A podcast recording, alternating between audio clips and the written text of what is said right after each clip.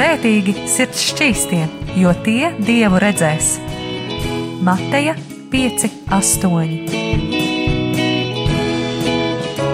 Piektdienās, pulkstens 17.00 radio raidījums Tēva meitas.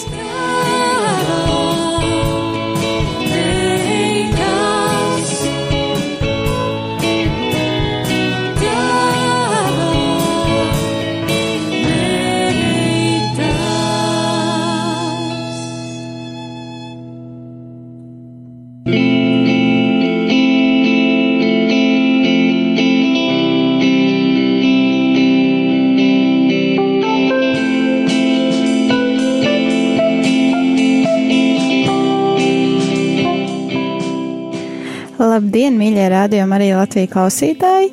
Ir piekdiena, raidījums tēva meitas, un ar jums kopā esmu es Annija Palo.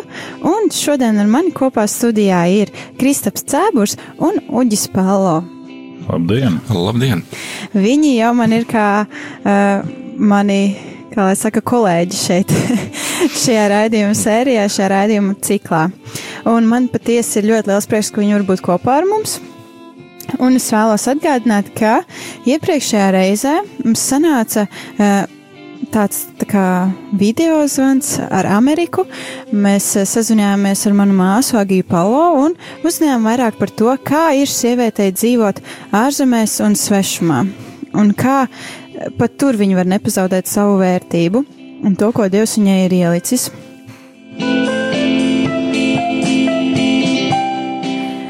Tomēr šodien mēs uh, turpināsim dziļāk skatīties šajā tēmā, um, kā vienmēr arī caur Bībeli un caur to, ko Bībele mums saka. Un uh, šodien vairāk tas būs par sievietes vērtību un tās uzdevumiem uh, tieši draudzē. Tās loma draudzē, cilvēku loma draudzē un uh, kā vispār Bībele skatās uz šīm attiecībām cilvēkam ar uh, draudzi. Un tad es uh, kā vienmēr es saku, es laiku lieku netērēšu, un es ļaušu kungiem tad runāt un arī vairāk ar šo tēmu iepazīstināt. Paldies par tādu atļauju mums runāt. Mēs jau nu nemaz neesam no tiem, kurus vajadzētu mudināt uz runāšanu. Vismaz man tā ir, un pagājušajā reizē mēs runājam, ka tu, tu pats teici, varbūt vajag man pabremzēties kaut kur aizraujos. Bet mēs iepriekšējo reizi noslēdzām uz nots par to, ka mēs esam dzīvi akmeņi. Un šeit apakstuļu Pāvila vēstule Efeziešiem, kur mēs arī tālāk runāsim par draugu un par uh, sievieti un vīrieti un puisi un meiteni un draugu. Apostols Pāvils saka, ka Tagad mēs vairs neesam svešinieki un piedzīvotāji, bet vienas valsts pilsoņi ar svētajiem un dievu saime, nams uzcelts uz apstuļu un praviešu pamatu, kuras stūrakmens ir Kristus Jēzus. Viņā, tātad Kristu Jēzu, jeb glābējā Jēzu, visa celtne kopā salaista, aug par svētu templi tam kungam. Un viņā arī jūs līdzi tiekat uzcelti par Dieva mājokli Tādēļ es loku savus ceļus tēvu priekšā, no kā ik viens cilts debesīs un virs zemes iegūst savu vārdu, lai viņš savā godības bagātībā jums dotu savu garu un darītu stipru jūsu iekšējo cilvēku. Un lai Kristus jums ticību turot, mājot jūsu sirdīs, un jūs iesakņotos un stipri stāvētu mīlestībā. Mēs daudzreiz runājam par fantastiskām idejām, kas nāk mums prātā, kā vajadzētu veidot draugus, kā vajadzētu visam notikt. Un tur ir fantastiskas domas par lomu sadalījumu, un, un ka nevajag dalīt un vajag dalīt. Būtiskākais jau, ko mēs ar Kristapu pagājušajā reizē mēģinājām iezīmēt, ir nevis ko mēs domājam, bet ko Dievs domā par mums. Un ir kaut kādi globālie principi, ko Dievs ir iedevis visiem, Bet tad ir specifiskie uzdevumi, specifiskie mērķi konkrētai meitenei, konkrētai sievietei un citreiz pat konkrētam dzīves posmam. Ne? Un, um, un kā šie mērķi, šie dievišķie principi, kā viņi integrējās draudzes vidū un kā tas viss veidojās mūsu ikdienas sabiedrībā. Par to arī šodien mēs vairāk runāsim. Jā, vēstule efeziešiem tā ir viena ārkārtīgi nu, brīnumaina, manuprāt, tāda nu, koncentrēta mācība vai mācības apkopojums, jo mēs zinām, ka viņi ir salīdzinoši vēlīni. Un, um, es pat drīzāk viņu varētu saukt par tādu pravietisku vēstījumu, uh, visas nu, tās tā laikmeti, kas stāv priekšā, un līdz šai dienai, kas vēl nav beidzies, līdz Kristus atnākšanai, kā tādu pravietisku vēstījumu tam, kam būtu jānotiek.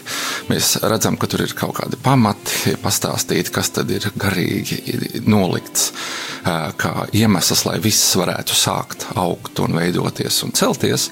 Taču, skatoties uz vēsturi, diezgan droši var teikt, ka tas vēl nav pilnībā realizējies. Un, protams, ka, ka, ka noslēpums ir saistīts ar, ar, ar, ar, ar Kristu un draugu.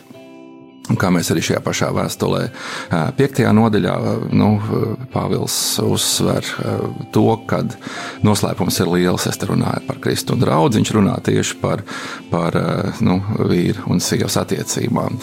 Un, protams, ka mm, tā nav jauna tēma, un, un, un vēsturiski visādi ir mēģinājuši to locīt iekšā. Jā, sievas funkcija ir tā, vīra funkcija ir tā, bet skaidrs, ka dieva domas par mums mēs nevaram savādāk uztvert kā tikai tajā kārtībā, kādā viņš ir radījis pasauli. Un tieši atkal mums, kā jau mēs sākām šo raidījumu nu, ciklu sākumā, ja, mums jāatgriežas pie radīšanas stāsta, jo, nu, jo izprast radīšanas stāstu, eh, struktūru, dod iespēju izprast mums šodien arī to, kādā veidā tiek realizēta tā galvenā dievišķā ideja, dieva ideja, dievišķot eh, viņa radību, jā, dievišķot viņa radību. Un tie akmeņi, tie akmeņi nav nekas cits kā cilvēks. Akmeņi nav koki, akmeņi nav zvēri, putni vai zīvis jūrā, akmeņi ir cilvēki, un no cilvēkiem var uzbūvēt dievu namu kas atkal ir, protams, tāds ļoti plašs, plašs jēdziens, ko tas nozīmē un ko mēs esam, kas, kas mēs esam par akmeņiem. Jā, un nonākot pie sievas funkcijas, jā, vai sievietes funkcijas, meitenes funkcijas, kā šī nama cēlāja celšanas procesu aprakstu, mēs saprotam, ka nav vairs viss tik vienkārši. Ka tur, nu, piemēram, sievu pakļaujoties, sievas pakļaujoties vīriem. Jā, nu, tāds skarbs tulkojums, viens vārds, ipastaso, jā, kas varētu saprast, nu, kas vispār sievietei ir jāzina, viņai ir jāpakļaujas vīram. Punkts. Senāk, ka sieviete vienā mirklī kļūst par tādu vīriešu dzīves komfortētāju. Nu, tas tā, tāds primitīvisms, jā, tā, jā, kalpone. Un, un, un, un, protams, kā vienam e, vīrietim viņa miesas dabā tas liekas ārkārtīgi vērtīgi. Jā, kad lūk, ja sieviete saprot savu vietu ģimenē, saprot savu vietu draudzē, mācītājiem, netraucējiet lieki. Jā, nu, galvenais, lai puķis būtu pie altāra un galvenais, lai, lai būtu nu, visi, visi ikdienas šie darbi izdarīti. Kaut gan patiesībā, nu, es domāju, ka tas būtu pašmācītāju pierādījums pienākums tikpat labi šīs puķis sakārtot un, un, un, un ja vajag arī draudzes telpas iztīrīt. Jā. Neskatoties uz to, ka liekas, nu, jā, tas taču ir tas kalpošanas ar Bet vārdu. Mūsu kungs un pestītājs mm -hmm. mazgāja kājas. Tieši tā, tieši tā. Jā. Te jau parādās tā kāja mazgāšana šajā, kad tu esi gatavs kalpot. Un tas, ko tu pieminēji no efeziešiem, ne, it kā ir teikts par vīru mīlēt savus sievas, tāpat kā Kristus ir mīlējis savu draugu. Ne? Bet ne tikai savus sievas, bet mācītāji mīlēt savus draugus. Un tad, kad tie jaunie puiši nāk uz jūsu jauniešu grupām vai tās meitenes, tad audziniet viņus un parādiet šo mīlestību. Visticamāk, šodien ģimenē cilvēki nav saņēmuši to mīlestību, nav saņēmuši to apskāvienu, nav saņēmuši to novērtējumu. Viņi nāk šeit, un man kā mācītājiem ir nevis jābūt piramīdas augšgalā, bet piramīda ir apgriezta kājām gaisā. Es esmu lejā un es kalpoju. visiem tiem, kas ir virs manis, vai ne? To ir viegli pateikt, bet nav tik viegli izdarīt ikdienā, Protams. jo arī cilvēki atnāk uz draugu ar saviem stereotipiem, jā, kā viņi to ir pārņēmuši neviļus jā, no, no, no sabiedrības kā, modeļiem, kāda valda. Taču, skatoties dziļāk, viena miesa, kas ir viena miesa, jā, draudz šī situācija tiek pielīdzināta vismaz Pāvila teoloģijā, jā, kā draudz tiek pielīdzināta tam sievietes tēlam. Jā, kuram, kā mēs saprotam no iepriekšējām, kā mēs arī analizējām iepriekšējām reizēm, ir vismaz trīs aspekti, jā, funkcionāli aspekti, kas nu, gan šo dzimumu, jā, dzimuma aspektu atklāja, kas parāda personību, kas parāda šo attiecību starp uz pretējo dzimumu. Tas ir tas nākamais iš, jā, išā, jā, un tas pēdējais, kas ir Havā un Adam, Ādams un Un ieva vienkārši sakot, latviešu valodā, ja, kurā ir šī tālākā spēja reproducēt vērtības, nodot tālāk. Ja? Nevajadzētu to uztvert tikai fizioloģiski, jo tā ir arvien nelaime, ka šīs funkcijas uztver fizioloģiski un līdz ar to pazaudē šo garīgo perspektīvu. Nu, Kurus tad mēs varam mācīties, kas tad ir Kristus un draudzes attiecības? Mm. Tas viennozīmīgi nav vienkāršas attiecības. Tas arī būtu uzreiz jāsaprot, ka jebkāda savienība, jā, laulība, primāri to katrs laulībā esošais saprot, ka tas nav vienkārši. Nu, sapņi par to un, un, skaistas iztēles ir tikai līdz mirklim, kad cilvēks sāk dzīvot dzīvot laulībā, reālu dzīvi un sāk risināt tās ikdienas problēmas. Jā, un, un tad, kad ģimenes pieaugums ir tas vēl uzliek papildus eh, nu, atbildību, un tas galīgi vairs neizskatās sapņaini. Tie, tieši tāpat ir arī attiecībās ar Kristu un draugu. Cilvēki ir vīlušies, cilvēki atnāk uz draugu savām, ar saviem skatījumiem par Dievu. Viņi, viņi, viņi pieprasa uzmanību, un viņiem, viņiem vajadzīga. Un, un Jautājums, kā to risināt, un tas, tas galīgi nestrādā. Tici, un viss būs labi. Jā. Jo, vai tikai lasi, vai tikai lasi, vai tikai slavē, vai tikai lūdz. Jā, jā. Tie ir tādi nu, no konteksta izrauti tad, uh, padomi, jā, kuri nav bieži vien sasaistāmi ar, ar to realitāti, kurā cilvēks atrodas, viņam jāatrisina viņa konkrētā problēma. Viņa kā minimums no sākuma jānofiksē, jo liela daļa cilvēku pat nav nofiksējuši, no kurienes viņiem ir šīs nu, problēmas. Uh, Te kā reize jā, šis sievišķais aspekts nu, kļūst par izšķirošo šajā draudzes būvniecības procesā, jo, jo sieva ļoti interesanti Timoteja vēstulē Tā ir tā, tā jūtīgā vieta, kur teologi ļoti daudz šķēpes lauž. Um, proti, ka. Ne, neļauj mācīt sievieti. Uh, viens ir neļauj mācīt, jā, nu, patiesībā tur nav neļauj mācīt. Tur, nu, mācība vispār ir koncepts. Mācība ir koncepts, kādā veidā tiek spriesta tiesa, tiek nu, nolikts taisnīguma mērs. Jā. Tas vairāk ir juridisks termins, es domāju. Un tas, kurš tad nes atbildību par to tālāk, par šo robežu, nolikto robežu jā, izpildi? Jā. Jo mēs, nu, draudz, tā ir dzīvošana robežās. Tas jau jā. tas, ko mēs pagājušajā raidījumā pieminējām, ka nevis pazemošanas dēļ vai vērtību atņemšanas dēļ nav pieminēta sieviete šajā tiesas kontekstā, bet jā. par to ir atbildīgs vīrietis. Jā, jā. jā jo brīžiem liekas, ka nu, sie, sie, sievietes funkcija ir nu, uh, pakalpot, jā, bet tā pakalpošana ir profanēta līdz, līdz, līdz teiktu, ārprātam šodien. Jā, un, un, nu, vīri, uz kuriem uzlikt ir visa atbildība, uh, nu, vienkārši noveļ viņu no sevis nost un padara to par nelielu cirku. Eh, gan draudzes kontekstā, gan ģimenes kontekstā. Jā, un, eh, Tās sievas, kuras ir solījušās dzīvot dievbijīgi, Pāvils saka Timotēja vēstulē, un tas vārds dievbijīgi nav lietots klasiskais grieķu valodā. Tur ir vārds teosebēja. Ja? Nevis Eusebēja, nevis Fobumeno vai, vai, vai mm. Sebo, jā, bet tieši Teoseb, nu, tas ir vārds Elohim saistībā nu, ar nu, šo dievbijīgo dzīvi, ja, un vārds teos vienmēr apzīmē robežu, stingrības, varas un spēka izpausme. Īst, īstenībā ļoti interesanti aizdomāties, kāpēc Pāvils tieši sievai ir uzlicis jā, šo divbijības apzīmējumu, un vīrs vairāk saistīts ar šo žēlastības, euzēbēja, euzēbisko divbijības izpausmi. Jā, grieķu valoda atklāja ārkārtīgi smalks nianses, kā jau mēs to zinām, jā, taču mums ir visur viens vārds divbijība, jā, neatklājot šo kontekstu.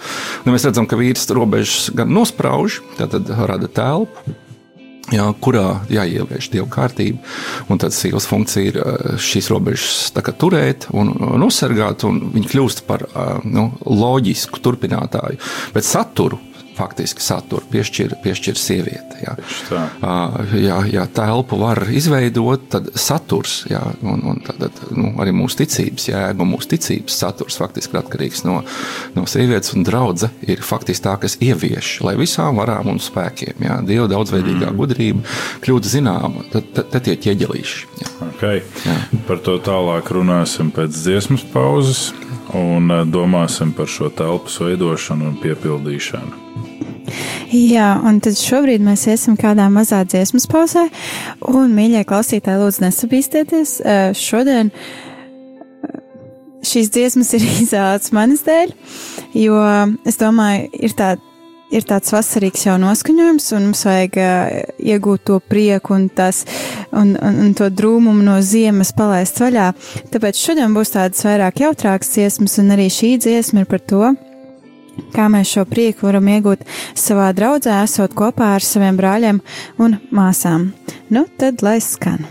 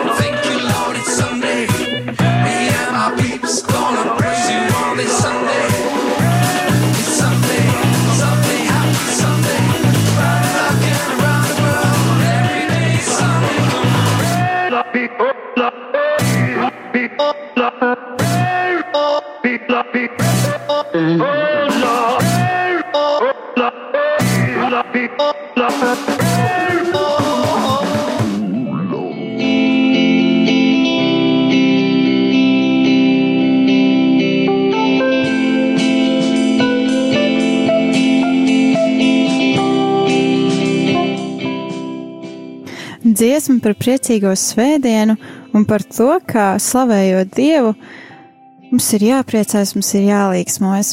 Un um, turpināsim iesākto tēmu. Ar jums šodien kopā raidījumā tēvmeitas esmu es Annija Palo, un pie manis ciemos studijā ir Uģis Palo un Kristaps Cēburs. Un šodien viņi arī palīdz mums vairāk izprast uh, tieši šo cilvēka lomu uh, draudzē. Vai tā ir taisnība? Pilnīgākā. Īpaši uzsverot sievietes lomu draudzē, Jā. jā, jo cilvēks nav cilvēks. viens pats par sevi. Cilvēks ir divi. Nu, ja tā skatās tā, to, to plašo, plašo skatījumu, un, nu, manuprāt, tieši šie divi, kas ir viena miesa, veido šo prototipu vai šo tēlu tipu, lai mēs izprastu attiecības ā, vēlāk mūsu pašu ar Dievu. Jo mums ir pavēlēts būvēt, ā, nu, kā saka, namu. Mm -hmm. Tas ir tāds atkal viens pliks vārds. Ja mēs viņā neieliekam, nu, nespējam ieraudzīt to, kas tad ir nams un kam viņš ir paredzēts, kas šajā namā dzīvos.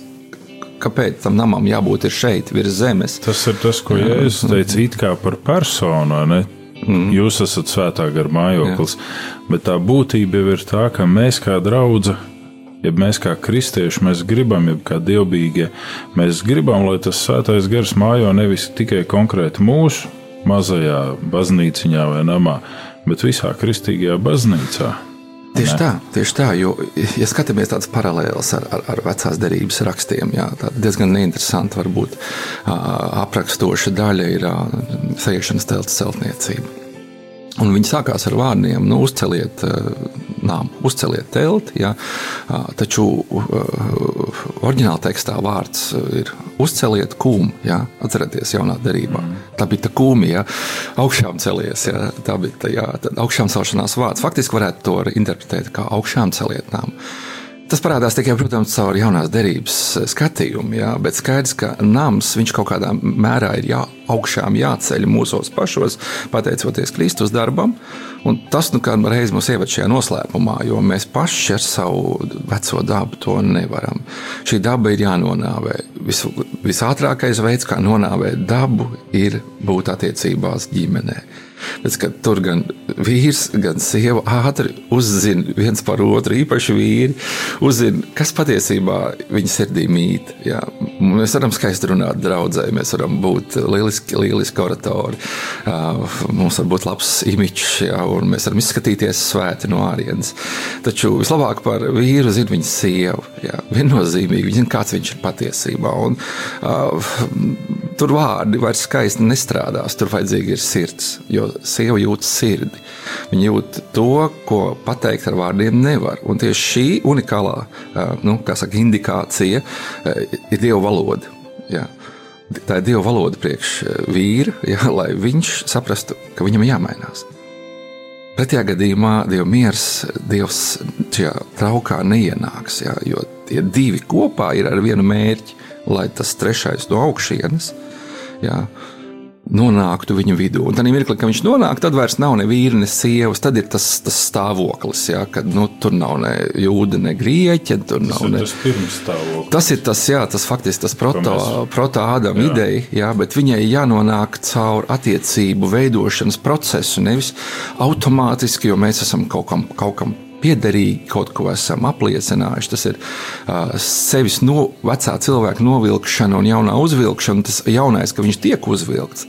Tad šī vienība, jā, ā, ko var īstenībā arī daļai tulkot ar vārdu, šo noslēpumaino vārdu monogenos, jā, dēla dēla apzīmējums. Jo dēls ir koncepts, ne tikai tas ir nu, miesā nācis dievs, diev, dievu klātbūtne, nu, redzamā klātbūtne, bet tas arī ir vienlaicīgi koncepts par šo dievišķās klātbūtnes nākšanu cilvēkā. Jā, pēc jēzus ir. Un tas ir tas, kas, teiksim, Efeziešos ir teikts, ka kad šie divi draugi un Kristus. Un, ā, manuprāt, ā, mēs skaidri zinām, ka Kristus savu daļu ir izpildījis. Nē, bet draudzē ir jāizpild savu daļu, lai veidotu to vienoto trauku, to proto-ādama attēlu, lai tad tas svētais gars varētu nonākt. Un tas, ko mēs ļoti bieži darām, kā jau pirms muzikas pauzes mēs runājam, mēs mēģinām taisīt agresīvas, vai klasiskas, vai kādas slavēšanas, sakot, ka šis veids ir tas, kas novilks to svēto garu. Mm. Mēs mēģinām taisīt dažādas mācības, sakot, ka, ja tu izpildīsi to un to, tad tas novilks to svēto garu, un šis trauks pildīsies. Bet mēs redzam, ka tur ir kaut kas cits. Un pirmais, ko mēs varam redzēt, ir tajā brīdī, kad draudzene ir vienota, vienots ķermenis. Un kā apustulis Pāvils saka korintiešiem, mēs nevaram teikt, tu esi mazvērtīgāks, jeb tu esi nevajadzīgs loceklis. Visi locekļi ir vajadzīgi. Un Tanī pat brīdī apustulis Pāvils lieto šo interesantu izteiksmi, ka tieši nicinātākiem locekļiem mēs piešķiram lielāku godu. Nē, skatoties uz cilvēku ķermeni, ja mēs tos ietērpjam īpašā godā, īpašā aizsardzībā, un skatoties arī uz draugu. Un šeit mēs varbūt mūsu gadsimta sērgas pārņemta nonākam pie tā, ka tā sieviete kas ir dieva izredzēta, tā meitene, kas ir dieva īpaši veidota, bet pateicoties kaut kādam maskulīnam pārspēkam, ir nostumta malā. Viņai ir jāto pietērpta īpašā godā, īpašā cieņā un varbūt īpaši izceltai, Es saprotu, ka daudziem varbūt šo klausoties rodas uzreiz e, pumpas un zosāda, ka mēs mēģinam aizstāvēt feministus vai ko. Nē, tā tas nav, bet mēs mēģinam parādīt to dievišķo sievietes pirmtēlu, ko viduslaiki un arī citi laiki ir pazeminājuši tik tālu, ka gandrīz jau mēs nonākam pie tā, ka sieviete nevar tuvoties arī dievam feminisms, manuprāt, ir, ir normāla parādība mūsdienās, kā reakcija uz to vakumu. Eh, sievietes eh, diskriminācijā gadsimta garumā, un es neredzu nekādu lielu problēmu feminismā patiesībā. Tas ir kliedziens, jā, nu, tā tēlaini un tiešā tas veidā. Tas ir pats, ko mēs varam teikt par, teiksim, poļu tautas kliedzienu pret šo vīrišķo vardarbību, jo nekur pasaulē tik ļoti Marija nav godināta kā Polijā. Un tajā brīdī, kad viens piedzēries, piedodiet, tēviņš nāk kaudamies mājās, un bērni paskrien mātei zem bruņš, tad ir skaidrs, ka radās šis Marijas kults, jeb Marijas pirmtēls, ka viņu vajag tā īpaši izcelt, lai mums būtu zem kā bruņš paskriet. Protams, jā, nu, bet es tā globāli, es tā globāli, jo nu, tā, tā, tā vīra problēma ir, ka viņš nemācās. Ja viņš nav pareizās attiecībās ar, ar savu kalpošanas partneri, absolūti pilntiesīgu, vienlīdzīgu savā, savā aicinājumā. Jā. Vīrs nav cilvēks pēc būtības. Tikai, ja viņam, puse. tikai puse no cilvēka. Ja? Un pateikt, tagad, kad ir kāda svarīgāka un mazsvarīgāka, ir, nu, ir maigi sakot, glupi. Tas, ko mēs par mēnesi un sauli runājam. Jā, jā, jā, jā. Un, un, un saule savā būtībā ir dedzinātāja. Viņa, viņa, viņa nav laba pati par sevi. Viņa ir laba, ja ir kāds, kas eh, veic eh, aizēno, kas atspoguļo, kas koncentrē un dod tik daudz, cik var uzņemt attiecīgi tā zeme. Ja. Es domāju, ka vīrs, kurš nedalās ar savu sievu visā, ja, bet domā, ka viņš pats par sevi ir kaut kas, un tagad viņam ir kāda kalponi iedot, ja, nu, lai viņš varētu dzīvot komfortā, nu, viņš, viņš pēc būtības kļūst par iznīcinātāju pasaulē. Jā, tāpēc eh, tā ideja vīram ir pirmkārt mācīties. Nu, to jau ir interesanti, ka, eh, ka, ka, ka senie, senie, senie, senie komentāri saka, ka nu, īstenībā pavēle mācīties eh, Dievu vārdu viņa nav dota sievietei. Viņa dota vīrietim. Kāpēc? Tāpēc, ka vīrietim ir jāizlabojas, sievietē savā būtībā ir pilnīgi. Viņa uztver lietas no pusvārda. Vīrietim ir jāiegulda smags darbs, lai viņš spētu saprast dievišķo gudrību. Un draudzene Draudzene savukārt eh, var tikai nospoguļot to, kas īstenībā notiek ģimenē. Mēs varam runāt par draudzes vienotību, mēs varam runāt par to, kā būt skaisti jāfunkcionē. Ja nebūs ģimenes, kurās būs dieva miers un dieva godības klātbūtne attiecībās, kuras ir dzīves, nevis uz priekšrakstiem balstītas instrukcijas, kā tagad jāuzvedās katram, bet tās ir dzīves mīlestības pilnas attiecības, tad arī draudzē loģiski būs no kā paņemt. Eh, šo, šo, šo modeli, šo vienotības modeli. Un eh, tādā draudzē tad arī Dievs var atklāties. Ja. Tas ir eh, tas, kas paturpinot tevis teikto, ka vīrietim ir jāmācās Dieva vārds. Un ļoti vienkārši vīrietim ir mācīt to Dieva vārdu citiem. Bet Pāvils saka, lai mājās dalās ar savu sievu. Dalās, pasītrot vārdu, dalās. Jā. Lai māca un šo vārdu implicē dzīvē caur savu sievu, ar savu sievu, kopā ar savu mm, ģimeni. Mm. Nē. Un, un tad tas vārds pavisam citu spēku iegūst, kad tu māci draugu. Viņš jau ir aprobēts, un, un tad tas vārds aiziet dzīvē. Un tad tas vārds tiek e, iesācis svētīgā zemē. Bet šobrīd iepauzēsim un paklausīsimies kādu dziesmu.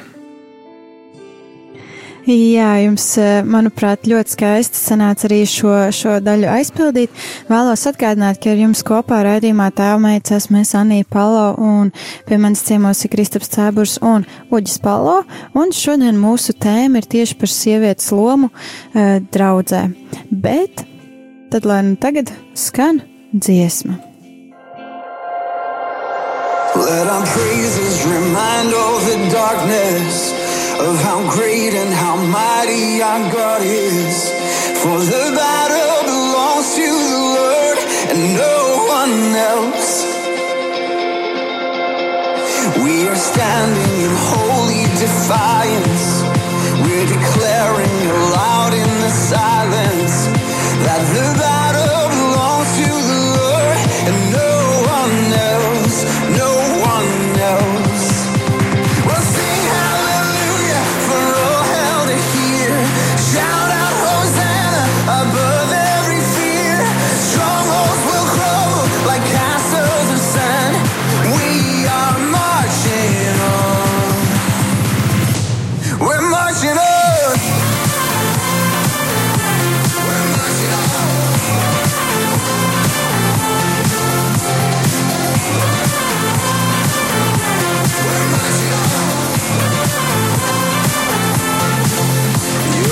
unstoppable kingdom advances as we take back the ground from the darkness. The battle belongs to the Lord and no one else. You're the banner we raise in the chaos. No, the gates of hell won't stand against us. The battle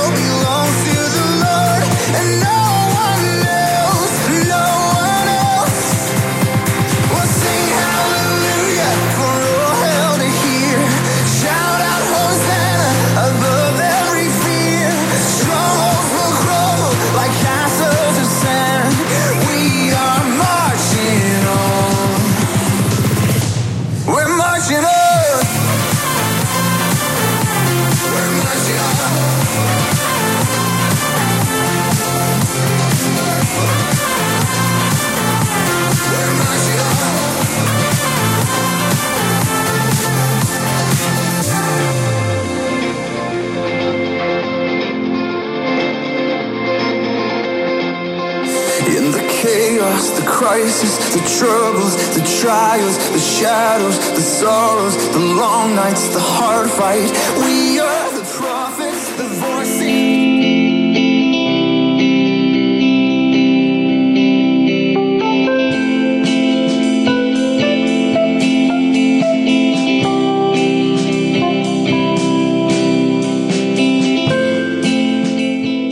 Un, nu, jau esam atpakaļ ēterā. Raidījums tēva meitas. Ar jums kopā esmu es Anija Palo, un studijā pie manis ciemos ir Uģis Palo un Kristaps Cēburs. Un šodien uh, raidījumu ciklu par sievietes vērtību sabiedrībā, draudzē un ģimenē mēs turpinam tieši ar šo draudzes lomu, un uh, kāda tad ir sievietes uh, loma tieši draudzē. Man ir kāds jautājums, ko es vēlos arī abiem kungiem uzdot. Jautājums sastāv no divām daļām. Kāpēc cilvēkam ir jābūt draudzē? Un kāda nozīme uh, cilvēkam, ne, bet kāda nozīme cilvēka dzīvē ir draudzēji. Un tieši šajā ziņā vairāk būtu kāda nozīme draudzēji ir sievietes dzīvē. Nu, pirms pauzes jau mēs mazliet tam pieskārāmies, ka draudzes nozīme ir veidot šo trauku, kurā var darboties un caur kuru var plūst svētais gars uz pasauli. Un eh, mēs arī runājam par sievietes lomu, kaut vai nedaudz, eh, bet ka sievietes loma nav tapt nostumtē malā. Bet ka tādā miedarbībā, kad vīrietis pareizi attiecās pret savu sievu, var šajā divsavienībā, kas jau vairs nav divsavienība, bet viensavienība, ienākt svētais gars. Un tas ir kā pirmtēls tai situācijai, kā vajadzētu draudzē visam funkcionēt, notikt, kādām vajadzētu būt šīm attiecībām. Mēs pieskārāmies arī tam, ka ne visi vīrieši draudzē ir ar otrām pusēm, un ne visas sievietes. Jā. Ne, bet tas jau neapstrahē viņus no draudzes. Viņi tiek pieņemti šajā vidē. Protams, jo nu, tas, ka cilvēks ir viens, kaut gan nu, sākumā teikts, nav labi cilvēkam būt vienam. Uh, jau jaunās derības kontekstā var saprast, ka šis nav labi būt vienam, ir realizējams arī kontekstā ar draugu. Tas kaut kādā mērā atbild uz šo jautājumu, kāpēc ir vajadzīga draudzene. Tāpēc, ka nav labi cilvēkam būt vienam. Jā. Tas ir, tas ir tāds vienkāršs, vienkārš, nu, liekas, risinājums, taču jāsaprot, ka tas otrs, otra puse tam cilvēkam kļūst par spoguli. Un, ja draudzene nav spogulis, kurā cilvēks var ieraudzīt savus ne tikai tās talantus, un šodien populāri visur meklēt talantus un, un, un, un būt uh, tam, kas tu esi savā aicinājumā, taču mūsos jāatzīst ir vecā daba. Un, ja nav neviena, uz kā fona nospoguļot to savu uh, disfunkciju, to savu grēcīgo tieksmi, ja nav, nav iespējas ieraudzīt, kad es esmu rīkojies aplam, tad tādam cilvēkam ir bēdas, jo uh, viņš ir tik pašpietiekams savā. Vienalga, vīrietis, sieviete, absolūti vienalga. Ja cilvēks ir viens un viņš nekomunicē, viņš nav sabiedrībā, viņam nav iespējas augt. Es domāju, ka tas ir viens no viens no iemesliem, kāpēc dažāda ordeņu mūķens un mūki ir veidojuši šīs slimnīcas, šo sociālo darbu, lai nevis viņi dzīvotu tikai savā iežogotajā teritorijā, bet iziet un palīdzētu un spoguļot sevi un tīrītu sevi. Cilvēks ir radīts kā, Jā. kā būtne, kurai nav labi būt vienai. Jā, un, ja mēs jā. skatāmies uz draugu kā jautājumu, kāpēc vajadzīga draudzene un kāpēc cilvēkam būt draudzē, Tāpēc, ka šodien mēs varam gana bieži piedzīvot situāciju, kad Kristus tiek izņemts ārā no morāles principiem, no ētikas, no kultūras, no visa, un mēs redzam, ka tā kultūra kliedz pēc šī, ko Pāvils saka, kad Dieva bērni atklāsies. Kad atklāsies tas pirmais ģimene, kad atklāsies tas nākamais modelis draudzene, viss radība kliedz pēc tā bet vēl radība kliedz par vienu, manuprāt, herēzi, ar kuru mēs tad arī šo ciklu laikam noslēgsim. Tā izskatās pēc laika. Un tas ir par to bērnu dzemdēšanas jautājumu. Nu, par pirmo Timoteju, ja, kur ir teikts, ne jau Ādams tika pievilkts, bet sieva. Viņa izdarīja pārkāpumu, un tālāk sievas tiks izglābtas ar bērnu dzemdēšanu. Ja viņa pietic, pieticīgas, tās paliks ticībā un mīlestībā un svētumā. Šie vārdi ir uzticami. Tā noslēdz šīs vēstules autors. Nu, Te ir arī nu, tulkojuma problēmas. 15. pāns noteikti nav daudz skaitlīs sievas. Tas ir turpinājums ar saikli no iepriekšējā pānta. Jā, tā kā Ādams tika pievilcis, bet, bet sieva viņa izdarīja pārkāpumu un tiks izglābta. Jā, un tiks izglābta caur bērnu dzemdēšanu. Tas tehnogonija vārds viņš ir, viņš ir diezgan dziļš un viņi nevar saprast gluži burtiski. Protams, ka skatāmies Bībeles tekstos, mēs redzam, ka ka, ka ieva dzemdē kainu, jā, 4. nodaļā. Un viņi saka, ka viņi ir iegūsi vai iegūsi īpašumā. Jā, tas vārds kains jā, ir. Kā, viņi saka, viņi iegūsi īpašumā šo, šo, šo savu dēlu. Ja nav cilvēka, nav, nav nav trauka, kur dievam iepildīt savu klātbūtni. Šis ir tas noslēpums, kas jāskatās ir plašāk. Jā. Nu, varētu padomāt, ka sieviete ir nu, vienīgā funkcija viņai palielam pēc šī panta, izraujot no konteksta, būtu, nu, viņa tiks izglābta, jā, un, un, un tad viņa dzemdēs bērnus. Un...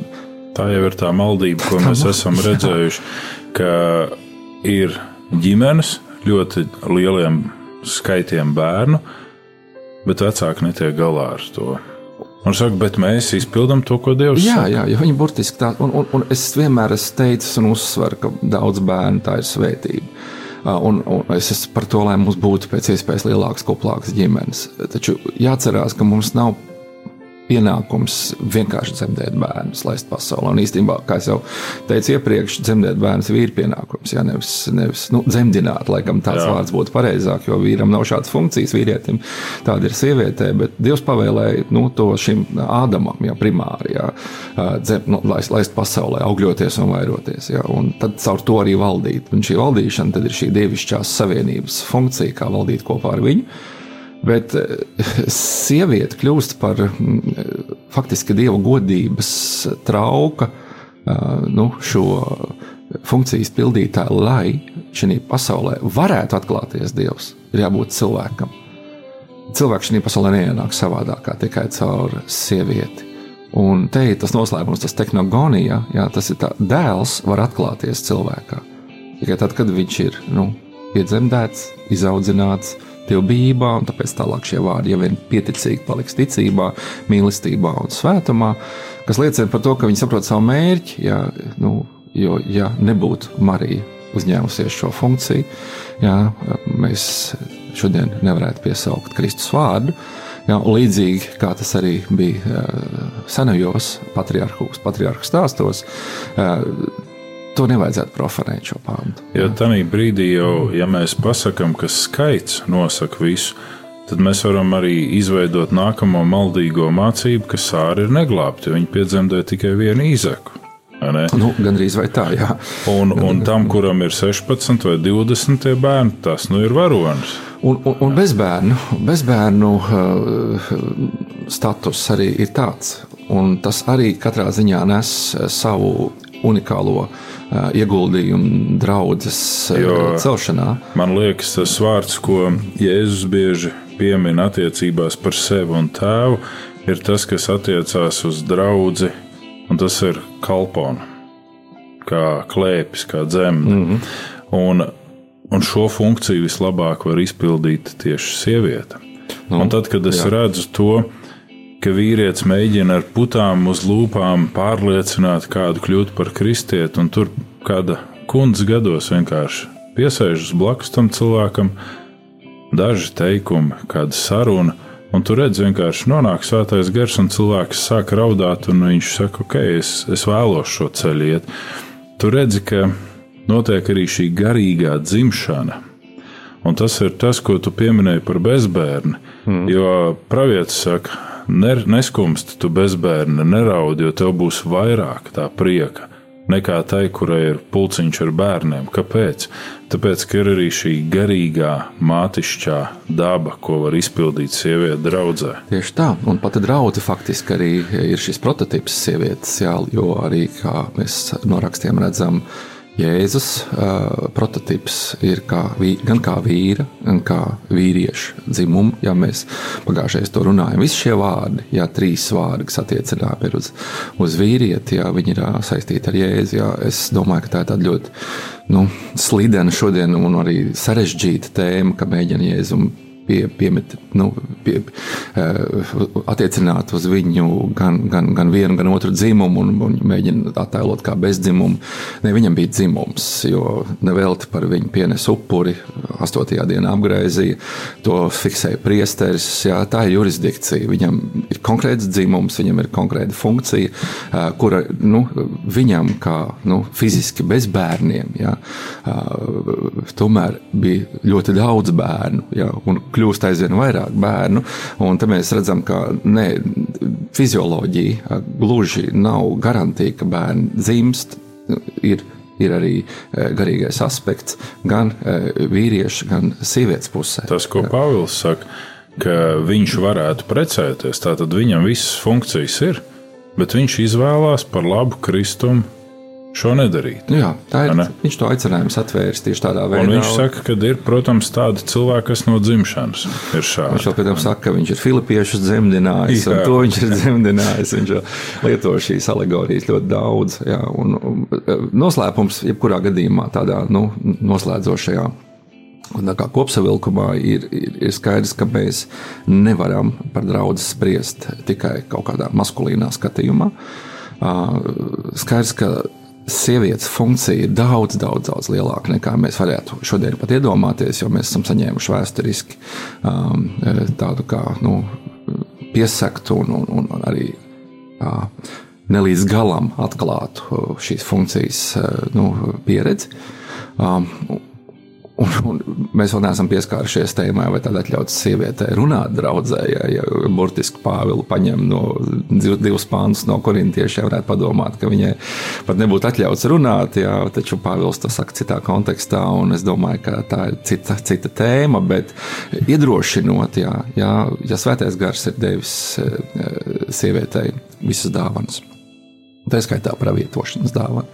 Tad, lai kāds man pasaka, kā sieviete eh, ar aizliegumu runāt, izpilda šīs dāvanas aicinājumu būt par pravieti draugu, piemēram. Ja.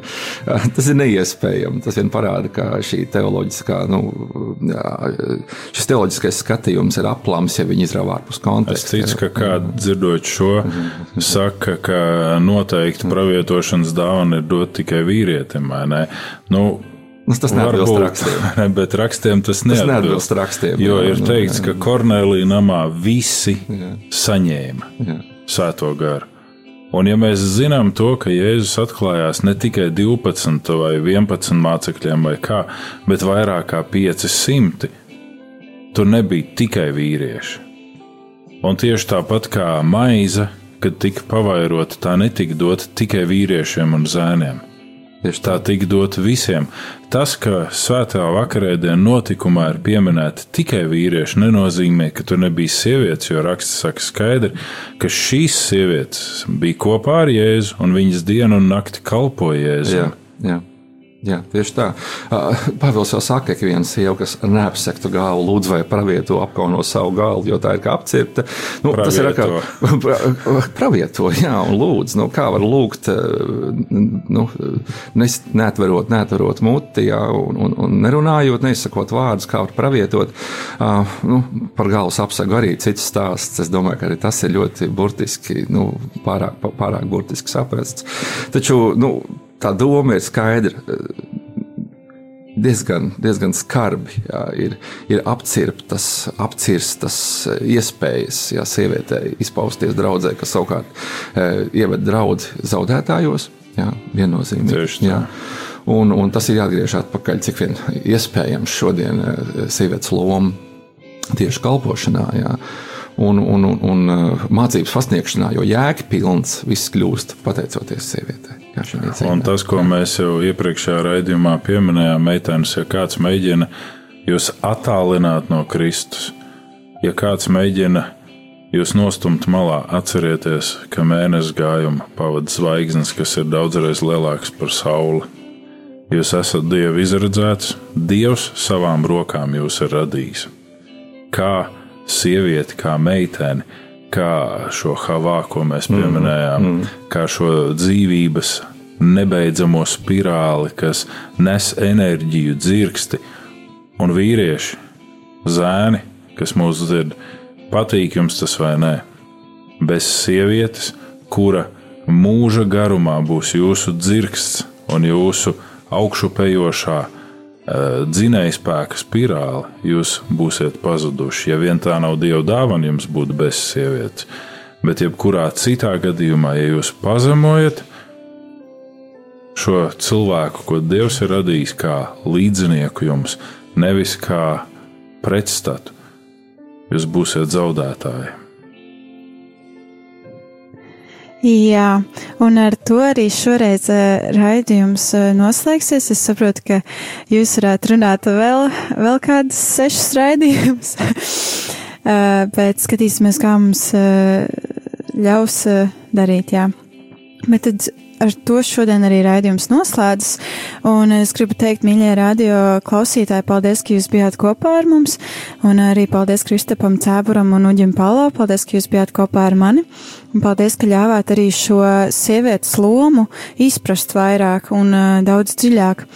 Un, uh, jā, es ticu arī, ka kādiem cilvēkiem tas palīdzēja, tas uzrunāja, un tāpēc, mīļie rādījumi, arī Latvijas klausītāji, es gribētu jūs iedrošināt, ka savas liecības par eh, tieši šo raidījumu vai eh, vispār par radio, kā, kā šo kristīgo staciju, eh, gribētu iedrošināt, ka jūs varētu atsūtīt mums arī uz ēpastu, lai, lai tas kā iedrošinājums varētu arī mums kalpot, un ēpasts ir studija at rml.lv un tad jau uz tikšanos nākamajā reizē.